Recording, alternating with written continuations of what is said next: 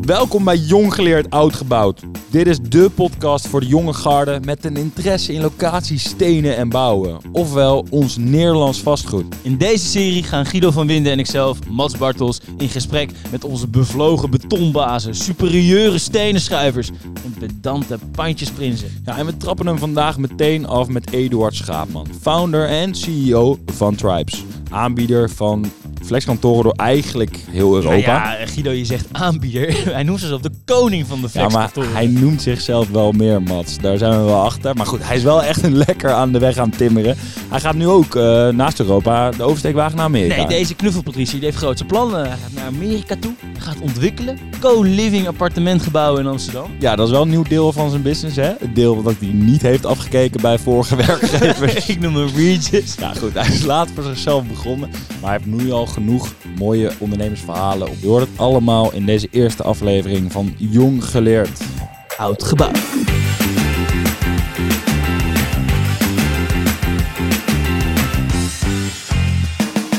Yes, welkom Eduard. Hey, hoe gaat het met je? Hoe was je dag? Nou, mijn dag, wat was mijn dag? Eh, vrolijk op kantoor gewerkt.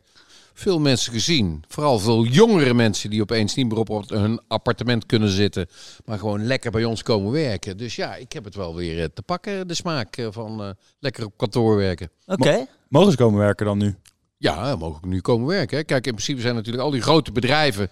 die zeggen allemaal, eh, luister, jullie mogen niet eh, bij ons op kantoor komen werken. hè, Want dat is eh, niet goed voor het image. Maar wij vergoeden wel jullie declaratie als jullie elders gaan werken.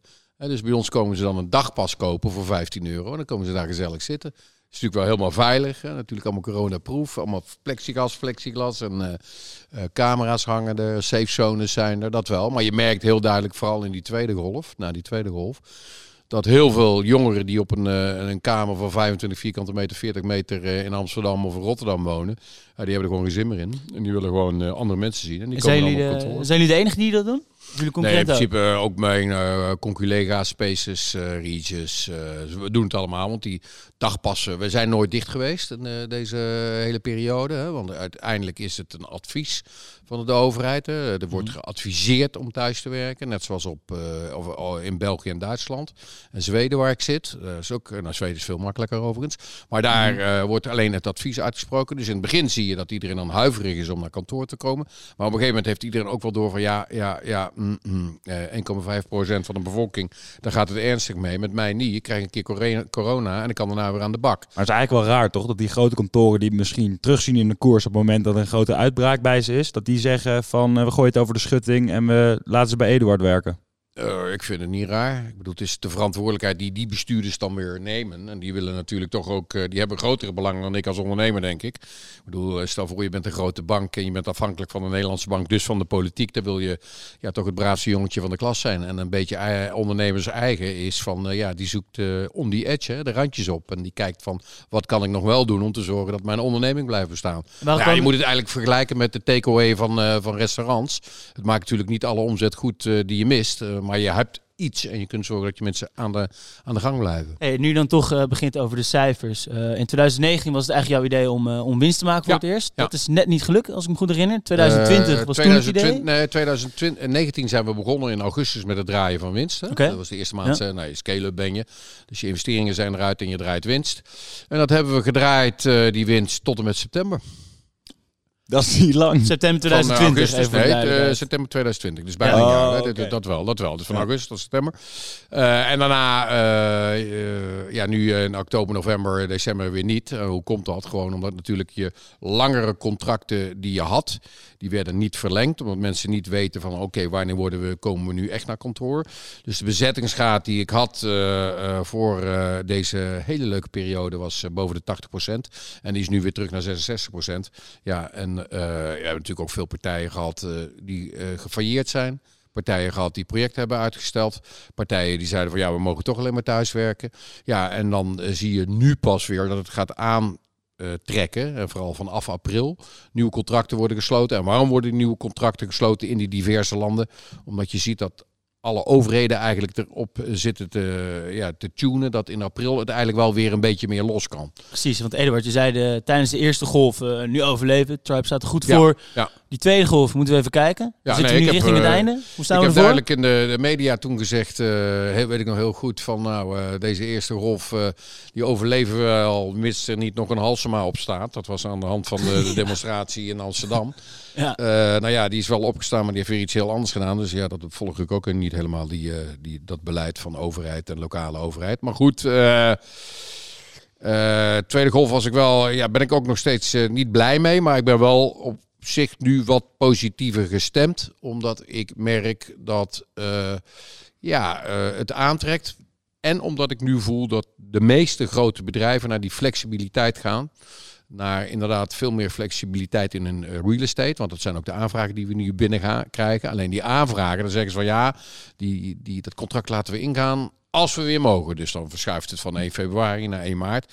Dus als dit over is, dan hebben we wel weer een, heel veel omzet die we gaan eh, krijgen. Maar en hoe merk je dat dan? Eh, dat, eh, dat flexwerken bij die grote bedrijven, misschien dat mensen die niet, die normaal gesproken pendelen naar andere steden, dat die dan op de momenten dat ze thuiswerken een een dag bij Tribes komen zitten? Wat je merkt, er was een fantastisch goede uitzending voor het eerst in Nieuwsuur afgelopen zondagavond over de 25 grote bedrijven in Nederland die daadwerkelijk stellen dat ze kantoorruimte gaan inleveren. hè.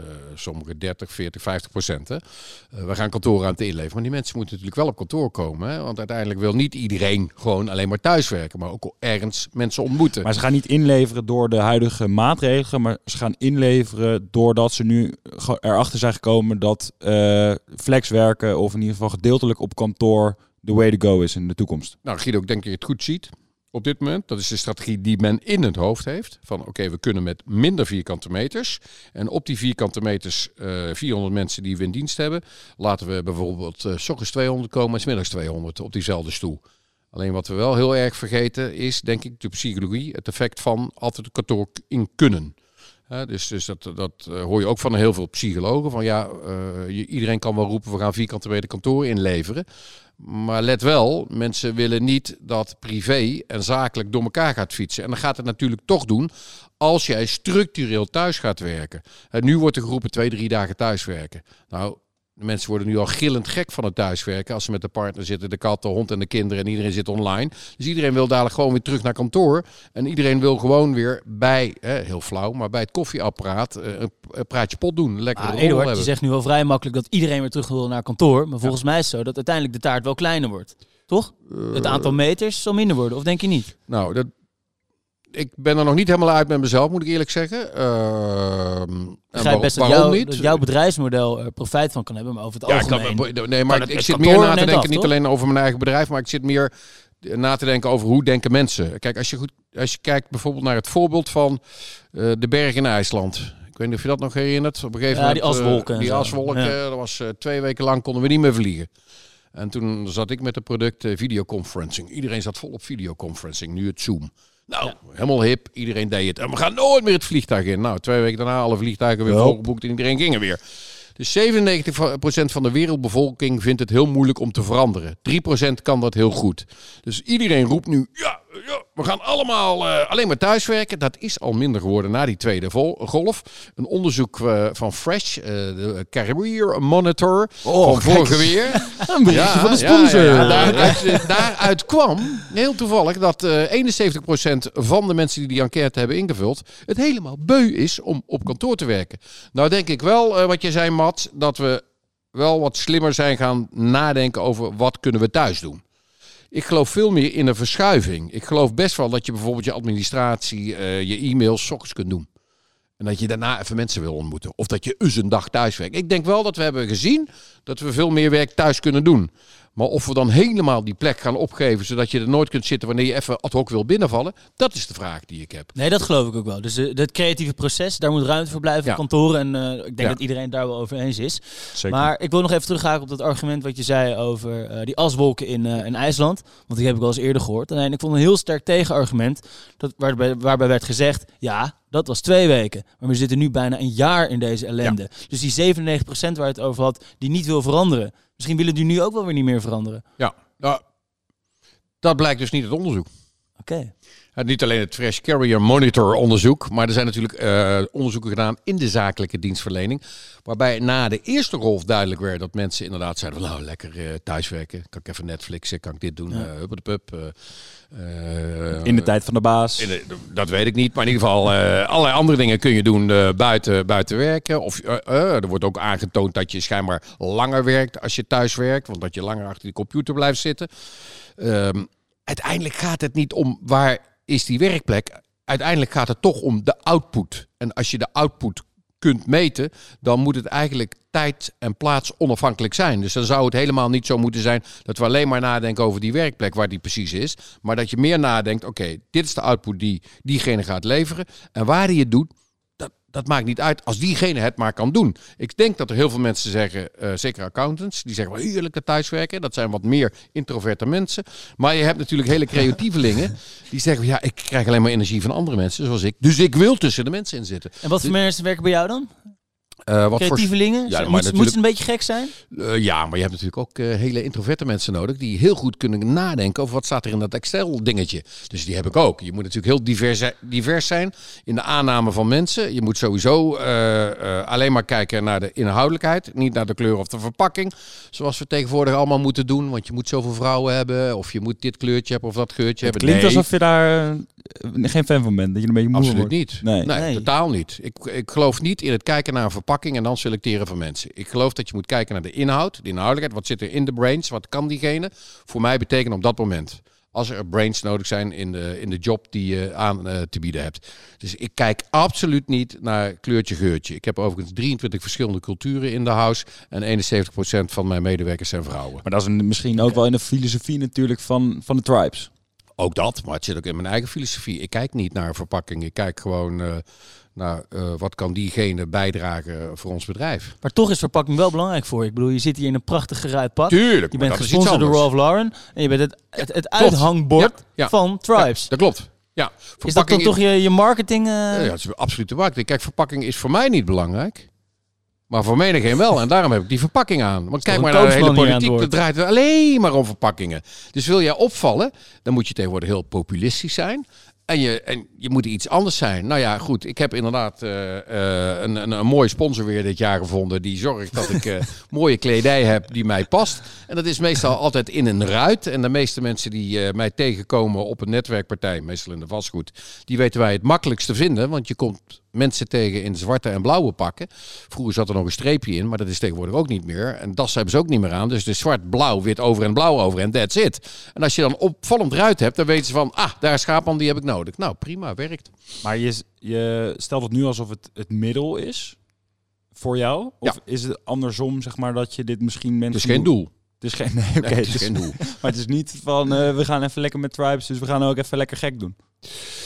Nee, het is, eh, dat zit gewoon meer in mezelf. Niet zozeer tribes, maar ik ben zelf wel iemand die houdt van eh, ja, prettig werken. En dat betekent dus dat je ook heel veel humor moet hebben. Eh, dat je goed met elkaar kunt, kunt babbelen. Maar je moet elkaar ook gewoon af en toe goed kunnen uitschelden als iets niet goed gaat. moet je ook helemaal niet erg vinden. En daarna moet je gewoon weer vrolijke pils drinken en het afdrinken met elkaar. Maar ik ben wel iemand die houdt van... als je dan iets doet, dan moet het ook leuk zijn. Want ja, waarom zou je het anders doen?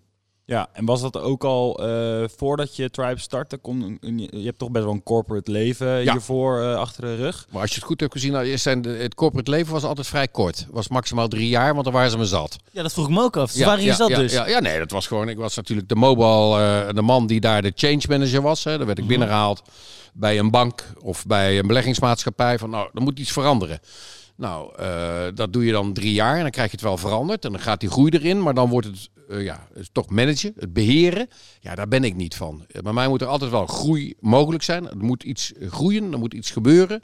Mensen moeten wakker worden gemaakt. Ja, dan vind ik het leuk om te doen. Maar als het echt beheren wordt, van rustig maar, we gaan niks veranderen. Ja, dan is het zonde om mij op zo'n positie te laten. Dan kun je beter een beheerder zoeken. Die zijn er namelijk veel meer. Maar als ik dan heel goed naar je luister, dan komen we nu eigenlijk op het punt aan dat er weer wat moet gebeuren bij Tribes. We zijn nu drie jaar bezig, we gaan Ja. winst maken, het begint een Ja. beetje saai te worden. Ja. Eh, nee, want het leuke is eh, uiteindelijk, ik heb mezelf een hobby verschaft. En dat is eh, kijken naar al die nomadische stammen. Oké? En er zijn nog 35 nomadische stammen. Ik heb er pas een paar bezocht, zes. Want daarnaast maak ik met Netflix een documentaire over stammen. Tribes. Dat is Met Netflix. Met Netflix. Dus het is ook nog een, eh, een, eh, een mooie manier van vermarkten Mhm. eh, van je product. Dus ik bezoek die stammen. Ik heb dus vorig jaar met de winnaar, de beste makelaar die de meeste handel naar ons uitbracht, ben ik bijvoorbeeld geweest naar de Hatsabe. Wie was dat? Dat was Sjoe Klumpers van NL Real Estate. En dan ben ik mee naar de Hatsabe Tribe gegaan. Prachtige documentaire van gemaakt, 20 minuten. En daarvoor had ik het al bij de Mozu. Ik heb het al gedaan bij de Kirgiz. Ik heb het ook gedaan bij de Berbers. Dit jaar heeft gewonnen Marcel de Groot van Flexas. En die gaat met mij mee naar de Sami. En dan gaan we dus samen, wordt opgenomen, wordt gemaakt. Documentaire van 20 minuten.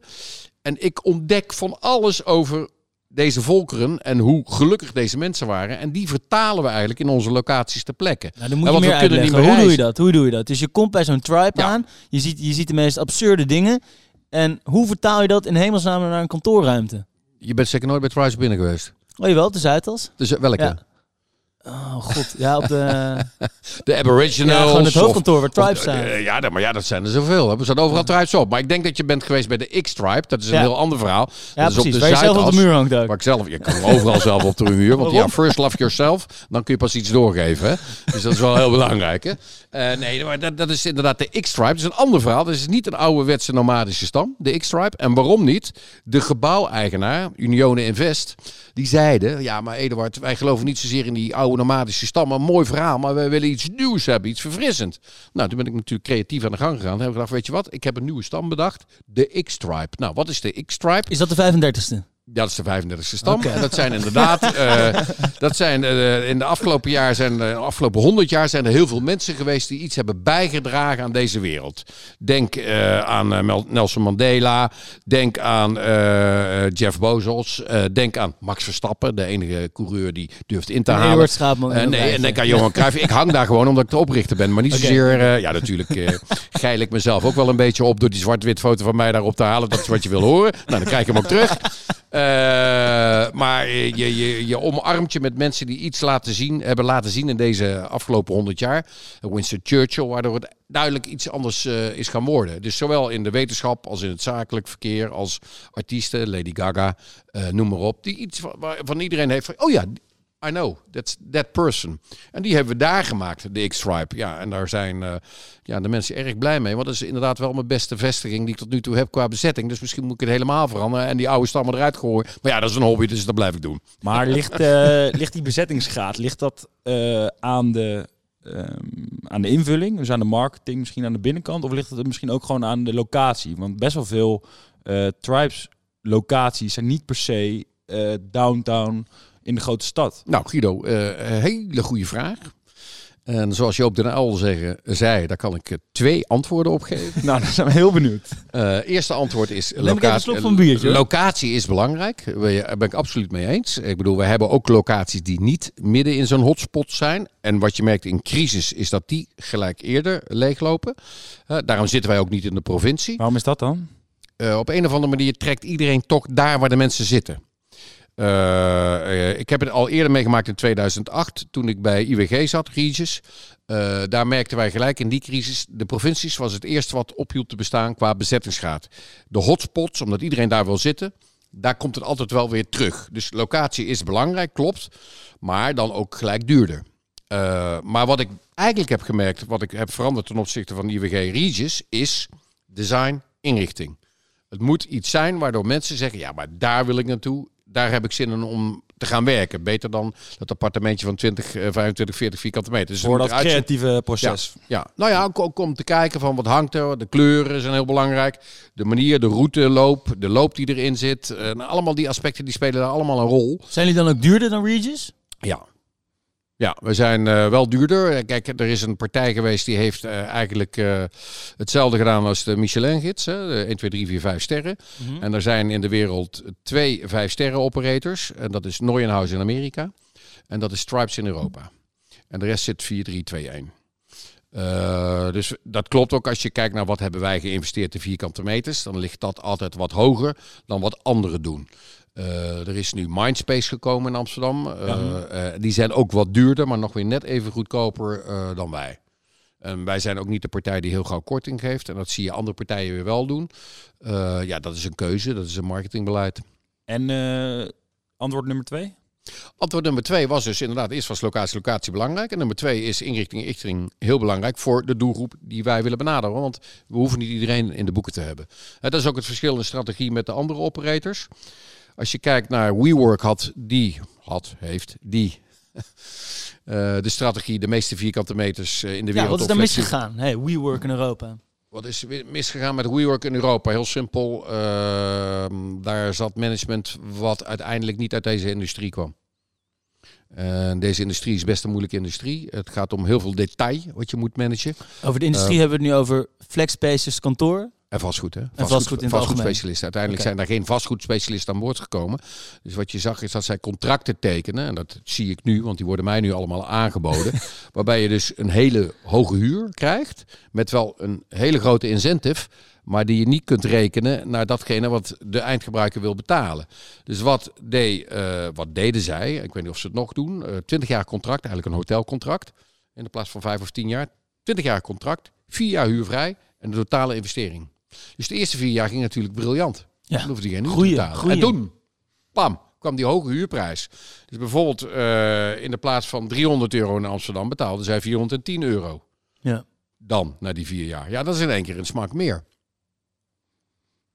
Ja, nee, nee dat, dat begrijp ik. En eh, dus WeWork kwam vanuit Amerika naar Europa toe. Ja. Dus die Eh, waren, nogmaals, oh, dat was, eh, daar waren we over bezig. De strategie was zoveel mogelijk vierkante meters. Ja. IWG heeft, eh, dus IWG, dat is de combinatie van Spaces, Regis, wat ze hebben overgenomen in Nederland, de Office Group, hebben ze ook overgenomen en nog een aantal andere labels. Mark Dixon, zijn filosofie is the most dots on the map.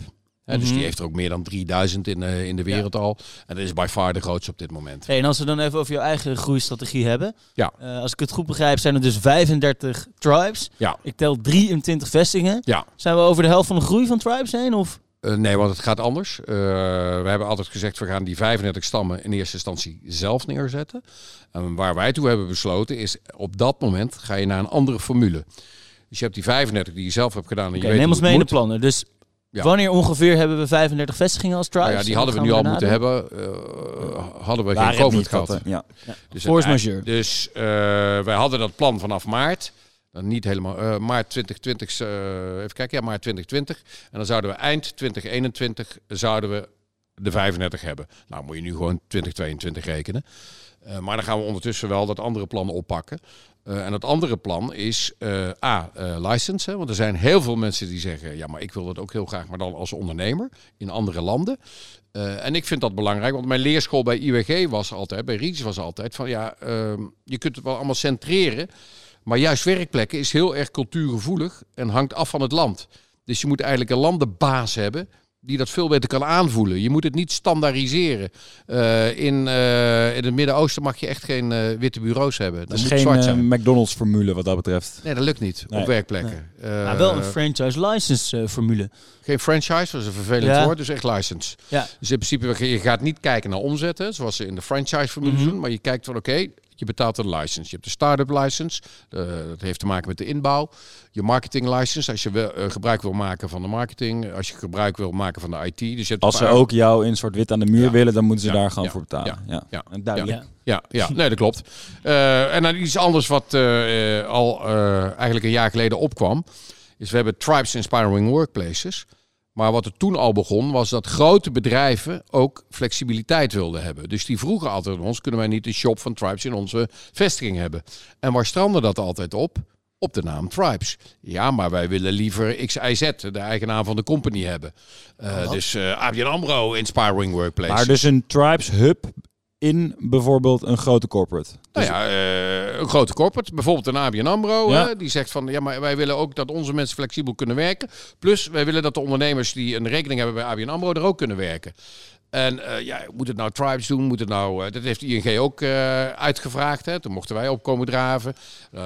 Spaces, iedereen mag opkomen draven. Maar wat ze allemaal willen is een eigen naam. Ja. Dus wat wij nu hebben, wij outsourcen dat hele module. Dus als er een bedrijf komt, eh, noem het Heineken, noem het eh, ABN AMRO, noem het ING. Die zeggen, oké, we hebben ABN AMRO Inspiring Workplaces. Wij doen de inbouw, wij doen de traffic, wij doen de, het management en de hele riedel met titel. Alleen niet Tribes, maar ABN AMRO Inspiring Workplaces. Of Heineken Inspiring Workplaces. Want ze hebben allemaal het idee, ja, wij zijn een groot bedrijf, hebben te veel vierkante meters. En al die kleine ondernemers, die willen best wel bij ons merk komen. Dus wij willen ons eigen merk hebben. Nou, prima. Dus het zou best wel kunnen dat eh ABN, jullie buurman op de Zuidas, eh, binnenkort zo'n Work Inspiring Space onder de vlag van Tribes gaat doen. sta- nou, niet onder de vlag van Tribes, want dat heet dan ABN Inspiring Workplaces. Ja? Alleen Tribes verzorgt het wel. Oké, en is dat ook de blauwdruk voor de uitbreiding naar Amerika? Die de komende jaren er toch Nee, wel aan Amerika is wat anders. Eh, het is echt weer heel erg landgevoelig. Ja, daar komt even, leuke van, er komt eh, even wat biertjes aan. Dankjewel. Nou, Proost mannen. Ja. We worden goed Pak nog even mijn eh coupe de champagne. eh, Afliggen en blond, volgens mij. Gevuld met eh, vers ja, ja. kraanwater Ja, van vers kraanwater. Pong. Van Pong, hè? Pong, want we zitten hier op de, de Spaarndammerstraat. Nou, als we dan toch met een eh, paar Even terug sponsors... naar die Amerika. Want, Ja, ja, ja. eh, dat is iets Ja, anders. Kijk, leuk. eh, Amerikanen, eh, daar, onze concurrenten zijn redelijk omgevallen nu in Amerika. Maar alles wordt kort gefinancierd. Hè. Knotel is de laatste die nu eh, in Chapter 11 is eh, gebracht sinds afgelopen vrijdag. Eh, Chapter 11, dat is... dat een is soort van faillissement, maar dan Ja. anders. precies. Eigenlijk veel, veel vriendelijker. Want als Chapter 11 eh, kun je in eerste instantie als bedrijf af van je vaste verplichtingen zoals huur. Dus kun je Mhm. zelf eerst je bedrijf opschonen voordat het helemaal bankrupt is. Echt een doorstart, ja. Maar Ja, goed, daar ja, zitten die ja. bedrijven in. Nou, eh, wat je dus ziet in Amerika is dat ze heel erg behoefte hebben naar flexibele werkplekken weer nadat COVID voorbij is. En daar kun je dus op vastgoed managementcontracten krijgen. Hier in Nederland of in Duitsland krijg je bijna alleen maar ROZ-contracten. Dus jij moet zoveel huur betalen voor zo lang. En daar kun je huur betalen als je omzet draait. Dat is in Amerika veel makkelijker. En retail ook, toch? In Amerika en in retail is dat al altijd Ja. in gebruik. Ja. En in Nederland is dat heel lastig. Nederland, bij retail lukt het ook wel in Nederland. Bij hotellerie lukt het natuurlijk. Bij hotel operators Mhm, ja. lukt het ook al. Maar bij operators nog niet. En dat is wel het geval in Amerika. Daarom zijn wij ook heel duidelijk aan het kijken naar die uitbreiding in Amerika. Maar vooral eh, omdat uiteindelijk de Amerikanen, dat zijn ook de meeste volgers die we hebben op al onze social media kanalen, houden van heritage. Oh, dat is mooi, dat is van vroeger. Oude stammen. Oh, dat is iets, dat is heel apart. Jullie zijn misschien wel veel te, veel te sexy voor Europa, toch? Jullie, zijn veel te, jullie doen een beetje Amerikaans aan. Eh, dat klopt. Ja. Ja, zeker Ja. als ondernemer ook. Ja, ja, klopt. En dat wordt iets meer gewaardeerd in Amerika. Daar komt hij wel, duurt iets langer. Maakt niet zoveel uit. Ik denk dat wij ehm, naar onze vaste rubriek gaan. Oh, Ja. ik dacht dat we er lang op zaten, of niet? Nee, ja, dat Oh. toch niet. Dit is allemaal natuurlijk, was dit. Ehm, wij hebben de vaste rubriek. Een brutale vraag van de Fresher. En Ja. eh, die komt deze week, wij kondigen altijd onze gasten aan van tevoren. En die komt deze week van Dex Makai. Ja. En die zegt, eh, beste Eduard, enorm leuk dat je te gast bent bij eh, Jong Geleerd Oud Gebouwd. Wat ik me afvraag, je hebt eerst een corporate carrière achter de rug gehad. Ja. Was het niet veel te laat dat je begon met ondernemen? Ehm, Nou, hij, hij zegt er nog een zin bij. Was dat Nou. niet een beetje laf? Ja, nee, dat klopt. Eh, oh, daar ben ik helemaal met hem eens. En ik kan ook wel uitleggen waarom dat is. Eh, ik ben pas gaan ondernemen. Kijk, ik, heb, ik ben heel streng opgevoed. Ik ben een patricier. eh, ik ben katholiek. En eh, mijn vader. Hoe ben je in, de, in, de, in deze tijd nog een patricier? Is dat Ja, ik wel, eh, ik wel. Ik kom er gewoon vooruit. Heerlijk. Oké, Ik bedoel, bedoel iedereen wordt in een hokje geduwd. Doe mij ook maar in een hokje. Ik vind het niet lekker. En ik vind Patricia vind ik toch weer mo- mooier dan de adem. Want Patricia heb je vijf generaties lang laten zien dat je iets hebt bijgedragen aan deze maatschappij. En adel word je gewoon mee geboren. Dus ja. Ja. ik vind dat toch wel wat krachtiger. Dus ik ben daar ook, ik, ben, er- ik sta er ook niet voor. Goed. Nee, Nou, totaal niet voor. Maar Het is goed, een lekker warm hokje waar je dan ook ja, zit. ja, ja, terug op jouw vraag. Ja, mijn vader heeft mij dus uiteindelijk gezegd: één, eh, jij mag pas trouwen. Ik heb me ook laat getrouwd. Als jij überhaupt onafhankelijk zijn. Wat was de definitie van onafhankelijk? Dat was een miljoen gulden op je eigen bankrekening. Dat was één. En twee, mijn vader zei altijd: eh, joh, eh, lekker zekerheid, lekker bij die grote corporates werken. Want hij werkte zelf ook bij een hele grote bank. En nou, Prima. en je doet natuurlijk precies wat je vader zegt. Zo, wat- zo ben ik opgevoed. Tot ik op een gegeven moment dacht van, eh, ik had al zoveel van eh, ja, dat soort eh, problematiek meegemaakt in al die grote corporates. Waarbij ik dacht van jongens, we houden elkaar allemaal een beetje bezig met interne meetings. We proberen te scoren op de punten die op de agenda staan. We zijn te weinig bezig met klanten. Dus op een gegeven moment dacht ik van, oké, ik wil wat anders. En ik ben dit is wel mijn eerste bedrijf wat ik dan zelf heb opgezet. Maar ik ben natuurlijk uiteindelijk al eerder uh, andere dingen gaan doen. Ik ben van dat grote corporate wereld naar de callcenter wereld gegaan.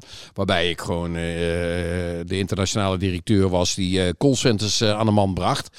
En daar had ik ook een aandeeltje in. En dat vond ik hartstikke leuk. Dus ik ben wel eerder gaan ondernemen, maar niet volledig voor mezelf. Ja. En ik ben pas gaan ondernemen toen mijn vader gewoon van het padje af was. dement werd en niet meer in de gaten had wat ik deed. Maar komt dat echt, echt door die druk van bovenaf dan? Ja, ja, ja, ja, ja, ja, ja, ja. Die opvoeding die maken jullie niet meer mee. Dat de uh, ouders er bovenop maar zitten. Maar is dat echt maar, dat je vroeger slaags hebt gekregen? Nee, ik heb, jawel, van de fraters. Uh, op de katholieke school in Den Bosch kreeg ik inderdaad toen ik mijn rapport had vervalst. Want ik zag dat ik er vijf had en daar kon ik niet mee aankomen bij mijn vader. Dus dat maakte ik een acht van. Nou, dat zag natuurlijk iedereen. Uh, en ja, dan kreeg je inderdaad zo uh, met de klap. Met de liniaal. Uh, met de linie. Nee, dat was echt een stokje. Was, met een stokje. Dat was Frater de Krieger, weet ik nog goed. In klas 5 van de lagere school was dat, ja. Maar ja, dat vond je toen ook helemaal niet erg hoor. Nu is het kindermishandeling, maar toen vond je het hartstikke stoer. Zei tegen vrienden, kijk eens, ik heb niet gejankt.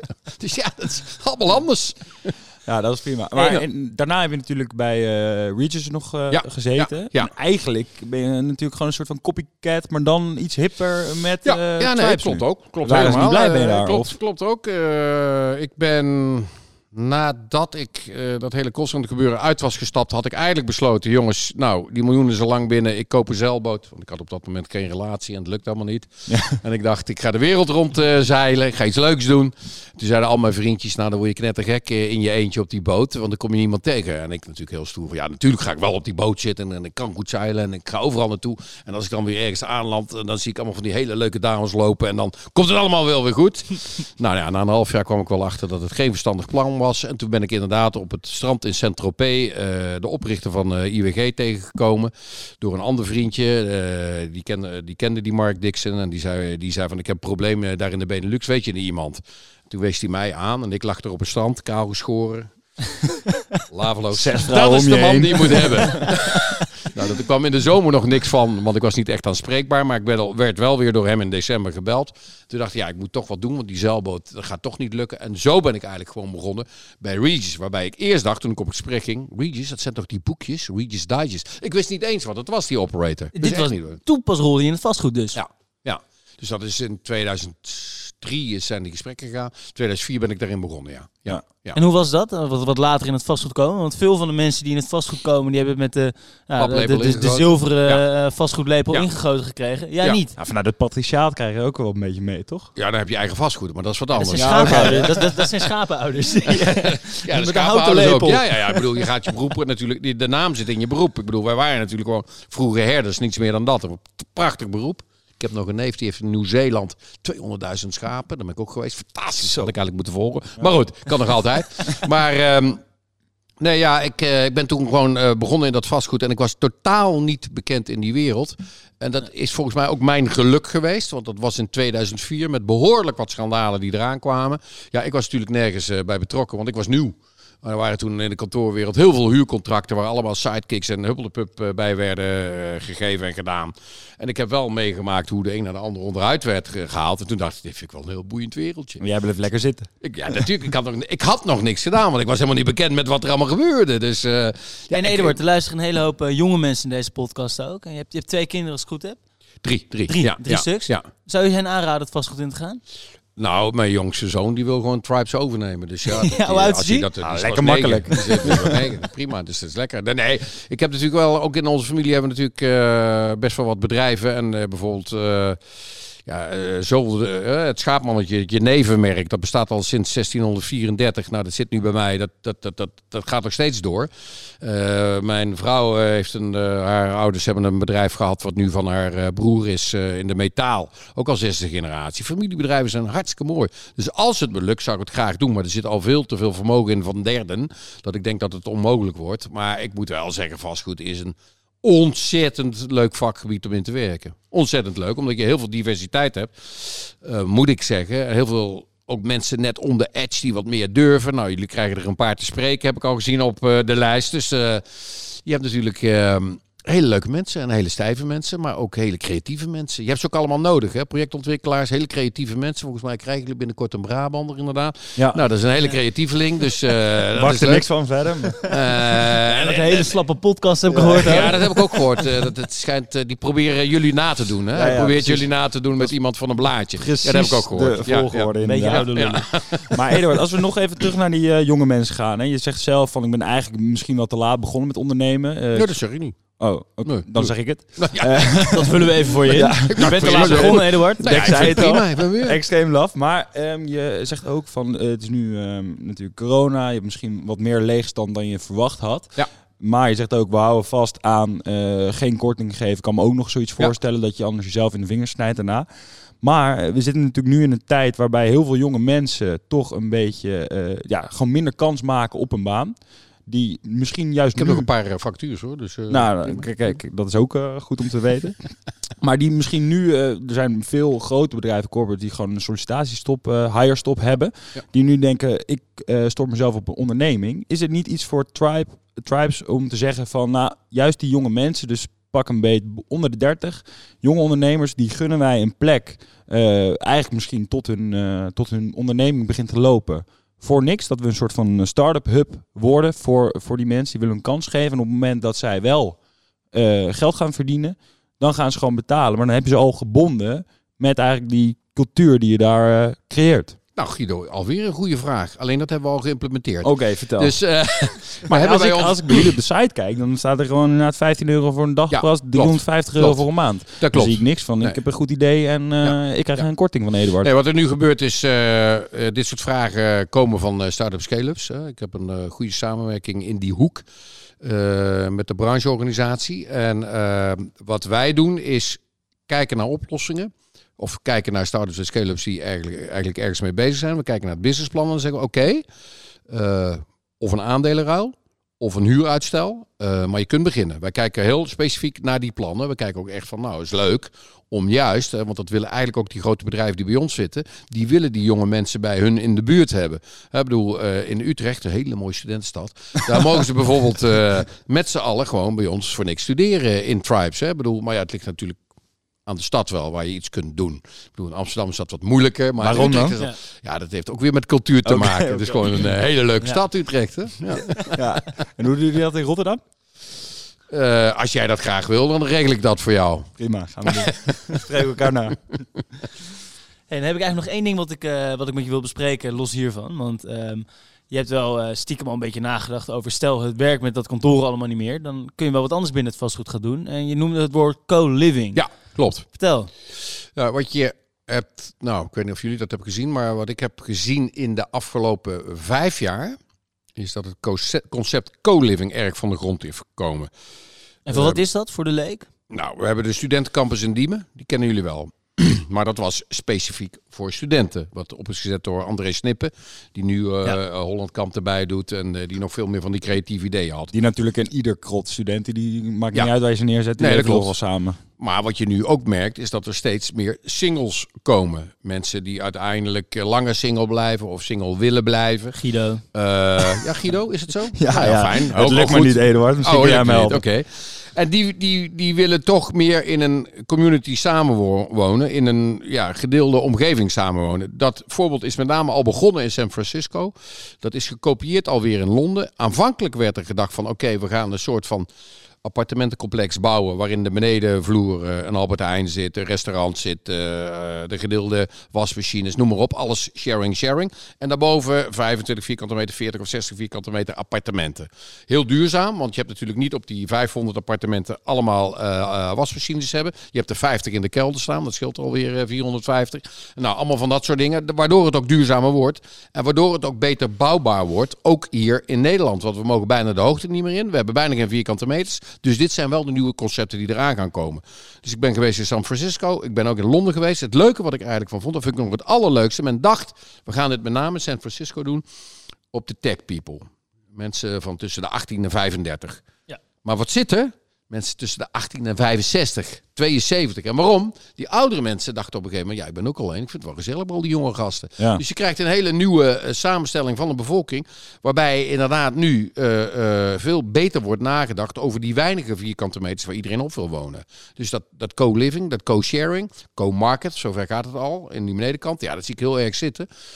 En we zijn inderdaad met wat moeilijkheid hier in Amsterdam. Rotterdam is makkelijker, maar eh, daar is minder vraag. Maar in Amsterdam krijg je dan de problematiek overheid. Lokale overheid. Hoe hoog mag je bouwen? Wat mag je bouwen? Eh, en dat is moeilijk. maar er daar wel komen, we maken er wel stappen in. huur 40, 40, 20. Die Ja, bekende niet zo hoog, hè? Niet zo hoog. En wil je, eh, wil je, je moet echt een toren neerzetten van minimaal eh ja, 20 verdiepingen. Nou, dat gaat sowieso al niet meer lukken in Amsterdam. en Eh, als het aan jou ligt, wanneer kunnen we deze eh, verwachten? Nou, ehm, ik hoop dat ik dit jaar nog het eerste contract kan tekenen voor een ontwikkeling vanuit Tribes. En dan staat die het jaar erop. Nee, eh, als je dan de ontwikkeling hebt, eh, eh, nou, ik denk dat er nog wel twee jaar, tweeënhalf jaar overheen gaat. Dus uiteindelijk, als je eind 2021, ja, je moet rekenen 2023, staat hij bij ons klaar om op te leveren en ingevuld te worden. Nou, dan heeft Mats het uitgemaakt met zijn vriendin en dan kan hij dus ook Nou ja, als zeg, die single luistert daar, hier ook naar als, hoor. als single daar gaan wonen. Of misschien kan zij erbij wonen in een appartementje. Ja, ook Hoef je niet elkaar heel de tijd te zien. dat kun je ook doen. Dat kun je ook op die manier doen. Dat is eigenlijk net zoals eh, bij de, latte, de- de- toch? nee, ja, nee, bij de, de Mozu. Fantastische stam in China. Er zijn eigenlijk de, de vrouwen de baas. Dat is de stam waar ik het liefst naartoe ga. Want dan hoef je eigenlijk niks te doen. En dan heb je dus... eh, alle vrouwen wonen bij elkaar. En als man moet je af en toe aankloppen... eh, om te kijken of je binnen mag komen of niet. Maar je woont in ieder geval niet samen. Dat is ook wel iets voor te zeggen. Ook wel lekker, Ja, hè? ja, ja.